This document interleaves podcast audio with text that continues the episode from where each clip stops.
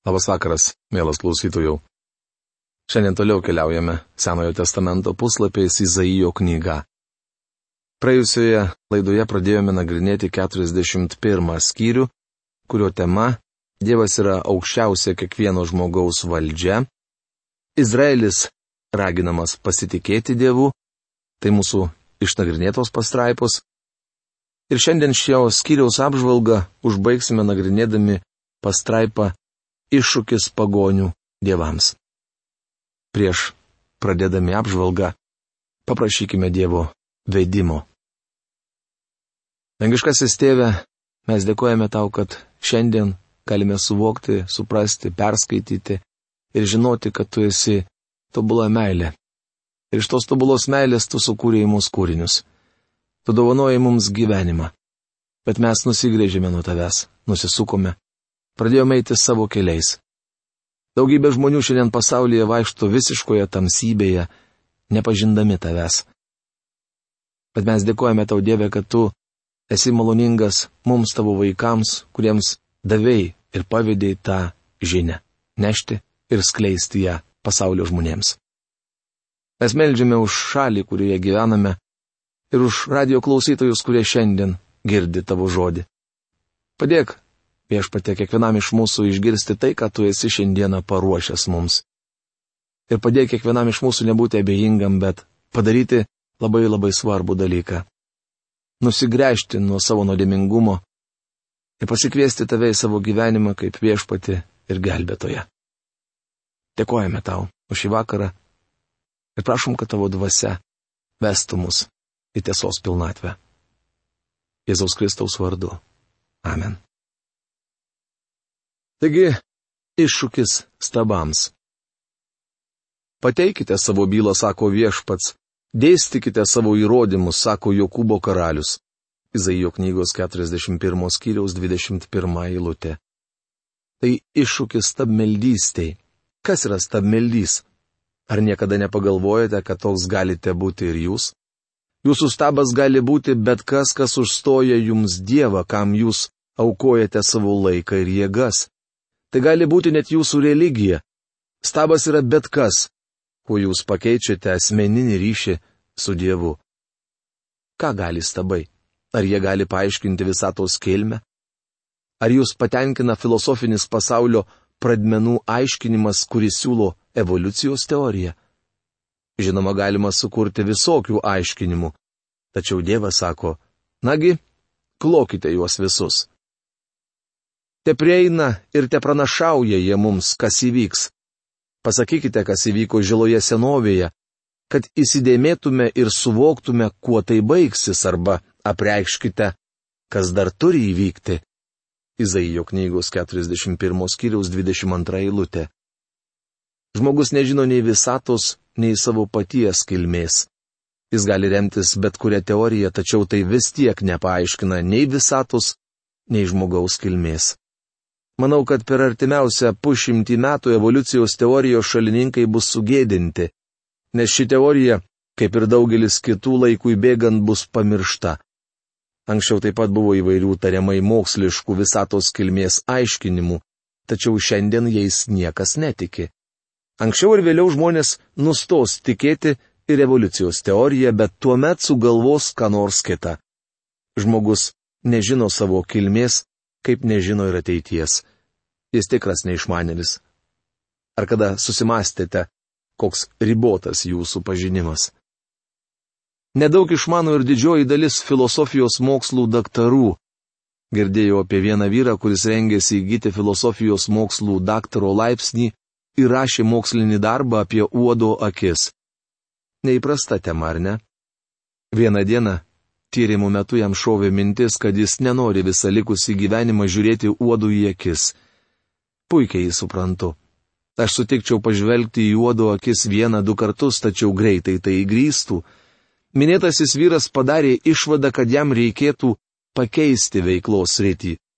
Jis pažino viešpati Jėzų Kristų kaip savo gelbėtoją, įgyjo daktaro laipsnį ir nusprendė pašvesti savo gyvenimą naudingam tikslui. Šiandien jis yra Evangelijos tarnas. Įdomu, kad žmogus gali būti labai įsimokslinęs ir net apsigynęs daktaro laipsnį, bet išmanyti labai mažai. Jis nežino nei iš kur atėjo, nei kur eina, ir joks stabas to jam nepasakys. Taigi išmintingiausia grėžtis į tą, kuris turi visus atsakymus. Tai nereiškia, kad jis atsakys visus jūsų klausimus, tačiau gera žinoti tą, kuris viską žino. Kai mokiausi koledže, mano pasiekimai tiksliųjų mokslų srityje nebuvo labai dideli. Bet gerai prisimenu užrašą ant skelbimų lentos, kabėjusios tiksliųjų mokslų fakultete. Ten buvo parašyta, kai kažko nežinai, svarbu žinoti, kur sužinoti. Aš daug ko nežinau, tačiau pažįstu tą, kuris žino viską. Jei man kažką reikia žinoti, Dievas pasakys. Kodėl ne? Jūs esate niekis ir jūsų darbai niekai. Kas jūs pasirenka, tas renkasi pasibjaurėjimą. Izaijo knygos 41 skyriaus 24 eilutė. Bet Dievis nežino nei savo praeities, nei ateities. Taigi visos žmogaus pastangos be Dievo yra tuščios ir bevaisės. Kai buvau ką tik pradėjęs tarnauti, prie manęs priejo vyras ir pareiškė, jei nepasakysite svarbiaus priežasties, kodėl turėčiau gyventi, išspręsiu visas savo problemas nusišaudamas. Ką jūs atsakytumėte tokiam žmogui? Rankose jis turėjo seną prūdijusį 45 kalibro šautuvą. Aš tariau, jei įtikinsite mane, jog nusišaudamas išspręsite savo problemas. Duosiu jums geresnį šautuvą ir galėsite padaryti tai žmoniškai. Atvirai kalbant, jei neketinate atsigręžti į Kristų ir nenorite įsileisti jo į savo gyvenimą, galite panaudoti savo ginklą. Nežinau priežasties, kodėl neturėtumėte to daryti. Vyras visai suglumo. Jis tikėjosi, kad aš bandysiu jį perkalbėti. Jis padėjo savo ginklą ir nuėjo nors tą kartą jis ir neatsigrėžė į Kristų. Tai padarė vėliau. Po atsivertimo jis suprato, kad Kristus yra atsakymas į visas gyvenimo problemas. Visi jie niekas, niekas jų darbai, jų stabai tuščias vėjas. Izaijo knygos 41 skyriaus 29 eilutė. Galutinis bet kokios stabmeldystės ar bedieviškos ateistiškos filosofijos rezultatas yra vėjas. Visa tai neduoda atsakymų į gyvenimo problemas. Išgalvotos teorijos negali patenkinti žmogaus širdies. Atsakyti gali tas, kuris atnešė gerą ir džiugę naujieną. Izaijo knygos 42 skyrius tema - Jahvės tarnas Jėzus, stabmeldystės rykštė atvaizdai Jahvės tarnas - Izraelio tauta. Kiekviename šios knygos skyriuje Izaijas smerkia stabmeldystę. Šiame skyriuje Izraelio tauta vadinama Jahvės tarnu. Viešpats Jėzus Kristus taip pat yra Jahvės tarnas. Tai labai aiškiai suprantame iš jo žodžių užrašyto Evangelijos pagal Morkų 10 skyriaus 45 eilutėje. Juk ir žmogaus sunus atėjo ne kad jam tarnautų, bet pats tarnauti ir savo gyvybės atiduoti kaip išpirkos už daugelį. Evangelijos pagal Mata 12 skyriaus 17-21 eilutėse skaitome šios pranašystės pritaikymą viešpačių Jėzui. Jagvės tarnas Jėzus. Štai mano tarnas, kurį aš remiu, mano išrinktasis, kuriuo aš geriuosi. Apgaubiau jį savo dvasia, kad neštų tautoms teisingumą. Izaijo knygos 42 skyriaus pirmą eilutę. Dalelytė štai, tarsi trimito garsas atkreipia mūsų dėmesį į viešpati Jėzų Kristų. Nei palauštos nendrės jis nelauž, nei blėstančio dakčio negesins, jis neš tikrą teisingumą. Izaijo knygos 42 skyriaus 3 eilutė. Šia eilutė apibūdina žemiškai viešpatės Jėzaus gyvenimą ir tarnavimą palauštos nendrės jis nelauž. Viešpats nepuolė bausti nuodėmės, bet leido jai pačiai subrandinti bausmės vaisius. Žodžiai blėstančio dakčio negesins reiškia, kad jei žmogus gyvena nuodėmėje, galiausiai jį įsiliepsnos. Bičiuli atlygis už nuodėmę yra mirtis. Taip yra visuomet. Ir jūs to nepakeisite. Tai nuostabi dalis, nes joje viešpats Jėzus vaizduojamas kaip Dievo tarnas. Aš viešpats pašaukiau tave teisumo pergaliai, paėmiau tave už rankos. Aš sukūriau ir padariau tave tautos sandūrą tautų šviesa, kad atvertum neregių akis, išvestum iš kalėjimo belaisvius, išvaduotum sėdinčius belangės tamsybėse. Izaijo knygos 42 skyriaus 6-7 eilutės. Kristui pirmą kartą atėjus į žemę šie stebuklai buvo tarsi įgaliojamieji raštai, įrodantys, kad jis karalius. Jis atėjo kaip pasaulio šviesa. Evangelijos pagal Luką antros skyriaus 32 eilutėje rašoma apie senąjį Simeoną. Jam šventosios dvasios buvo apreikšta, kad jis nemirsęs, kol nepamatysęs viešpaties pateptojo. Simeonas Kristų apibūdino kaip šviesą pagonim šviesti ir tavosios Izraelio tautos garbę. Stabmeldystės rykštė atvaizdai. Toliau Izaijas perduoda mums Dievo ištarmę smerkiančią stabmeldystę. Aš esu viešpats, tai mano vardas. Savo garbės neperleisiu kitam, nei savo šlovės stabams. Izaijo knygos 42 skyriaus 8 eilutė. Tėvas nesidalins savo šlovę su nieku kitu. Jis prabyla apie stabmeldystės rykštę ir Dievo teismą, kurį jį užtrauks. Sunaikinsiu kalnus ir kalvas, visur nuvytinsiu žolę, upes paversiu pelkėmis, o pelkės išdžiovinsiu. Izaijo knygos 42 skyriaus 15 eilutė. Jo teismas palies net pačią žemę. Aš vesiu keliaujančius akluosius, keliais nežinomais juos vesiu. Tamsa jiems paversiu šviesa, o vingiuotus kelius ištiesinsiu. Visą tai darau dėl jų. Jų aš neapleisiu. Izaijo knygos 42 skyriaus 16 eilutė. Štai kaip Dievas veda savuosius. Mes su jumis nematome ateities, tačiau Dievas žino viską ir veda visus tuos, kurie juo pasitikė. Trauksis į šalį visiškai susigėdę, kas tiki stabais, kas sako nulėdintoms statuloms, jūs mūsų dievai. Izaijo knygos 42 skyriaus 17 eilutė. Kaip matote, stabmeldžiai įspėjami apie artėjantį teismą. Jahvės tarnas - Izraelio tauta. Kas aklesnis už mano tarną ir kurtesnis už pasiuntinį, kurį siunčiu?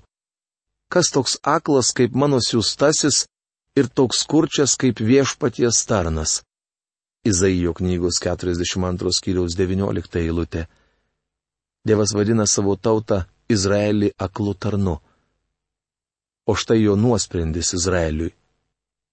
Tačiau ši tauta apiplėšta ir nusiaupta, visi uždaryti rūsiuose, paimti į kalėjimus, jie tapę grubiu ir nėra kam jų užstoti, jie apiplėšiami ir nėra kam pasakyti, gražink atgal. Izaijo knygos 42 skyriaus 22 eilutė. Šioje eilutėje kalbama apie Izraelio tautą. Jie yra toji apiplėšta ir nusiaupta tauta. Kodėl? Todėl, kad atsuko Dievui nugarą ir atsigrėžė į stabus. Kas atidavė Jokūbą, kad jis būtų apiplėštas? Kas atidavė Izraelį plėšikams? Ar tai nebuvo viešpats, kuriam mes nusidėjome? Jo keliais eiti jie atsisakė ir neklausė jo įstatymo. Izaijo knygos 42 skyriaus 24 eilutė. Dievas įvardyja tautą, apie kurią kalba tai Jokūbas, Izraelis. Dievas išblaškė juos, tačiau ateityje vėl surinks. Todėl jis leido jiems pajusti savo pykčio jėgą, įniršį ir karo baisumus. Jis apsiautė juos liepsnomis, bet jie nesuprato, nudegino juos gaisru, bet ir to jie nepaėmė į širdį. Izaijo knygos 42 skyriaus 25 eilutė. Tauta nepaisė viešpaties drausminimo, net gailavo ir nesugrįžo pas jį. Ar tai suardė Dievo planus? Žinoma, kad ne. Tuo įsitikinsime nagrinėdami kitus skyrius. 43 ir 44 skyriai. Tema - Izraelio sukūrimas, išpirkimas ir išsaugojimas, ateityje būsantis Izraelio teismas, išgelbėjimas ir atpirkimas, pažadas suteikti dvasę, ištarmė apie stabmeldystę ir pranašystė apie kyrą. Ši Izaijo knygos dalis, o ypač 43 skyrius rodo, jog Dievas neapleido Izraelio tautos. Tvirtinimas, kad Dievo ateities planuose nėra vietos Izraelio tautai, tolygus netikėjimui. Laiško romiečiams 11 skyriaus pirmoje eilutėje apaštalas Paulius klausia, ar Dievas atstumė savo tautą? Ir pats atsako, jokių būdų. Tai labai kategoriškas atsakymas. Izaijo knygos skyriuje, kurį netrukus nagrinėsime, aiškiai pasakyta, jog Dievas nepleido Izraelio tautos. Izraelio sukūrimas, išpirkimas ir išsaugojimas. O dabar šitaip kalba viešpats, kuris tave sukūrė Jokūbai, kuris tave padarė Izraelį. Nebijok, nes aš išpirkau tave, pašaukiau tave vardu ir tu esi mano. Izaijo knygos 43 skyriaus pirmą eilutę. Tai labai aiškus teiginys. Visoje šioje dalyje Dievas kreipiasi į Izraelio tautą. Vargu, ar galima klaidingai suprasti jo žodžius, nebent norėtumėte suprasti juos kitaip. Dievas kalba apie tautos kilmę - viešpats, kuris tave sukūrė. Jis padarė šią tautą iš keistuolio Jokūbo, kuris gudrumu užėmė kito vietą. Dievas paėmė žemės dulkių, įkvėpė joms gyvybės dvasę ir atsirado žmogus. Ta žmogus sukilo, bet tuos, kurie patikė Kristumi, dabar Dievas padaro savo vaikais. Tokia apgailėtina ir netikusi buvo mano pradžia. Aš netikiu evoliucijos teoriją tvirtinančią, jog žmogus atsirado iš beždžionės. Mano kilmė bjauresnė.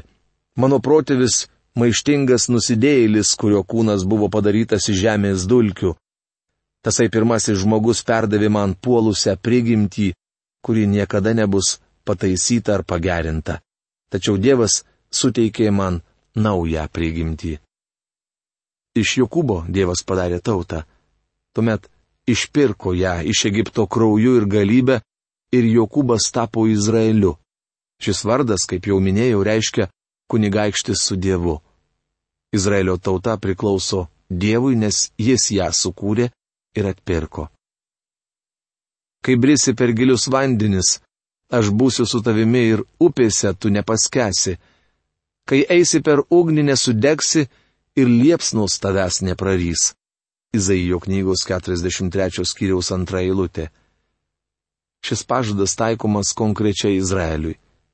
Dievas primena savo tautai, kaip gelbėjo ją praeitie, įgalindamas pereiti per Raudonoje jūrą ar per Jordano upę. Žodžiai, kai brisi per gilius vandenis, aš būsiu su tavimi, turi dvasinį pritaikymą visiems Dievo vaikams.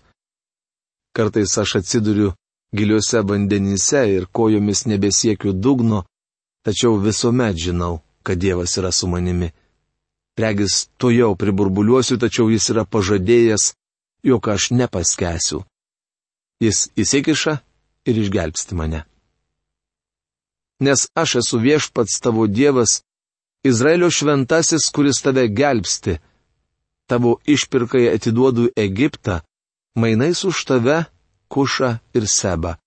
Izaijo knygos 43 skyriaus 3 eilutė. Gelbėdamas savo vaikus, Dievas nekeičia aukštų standartų. Kaip jis atidavė Egiptą ir Etijopiją Izraelio išpirkai? Atsakymas paprastas. Iš tiesų Dievas sako, aš pasinaudojau šiomis tautomis drausmindamas tave.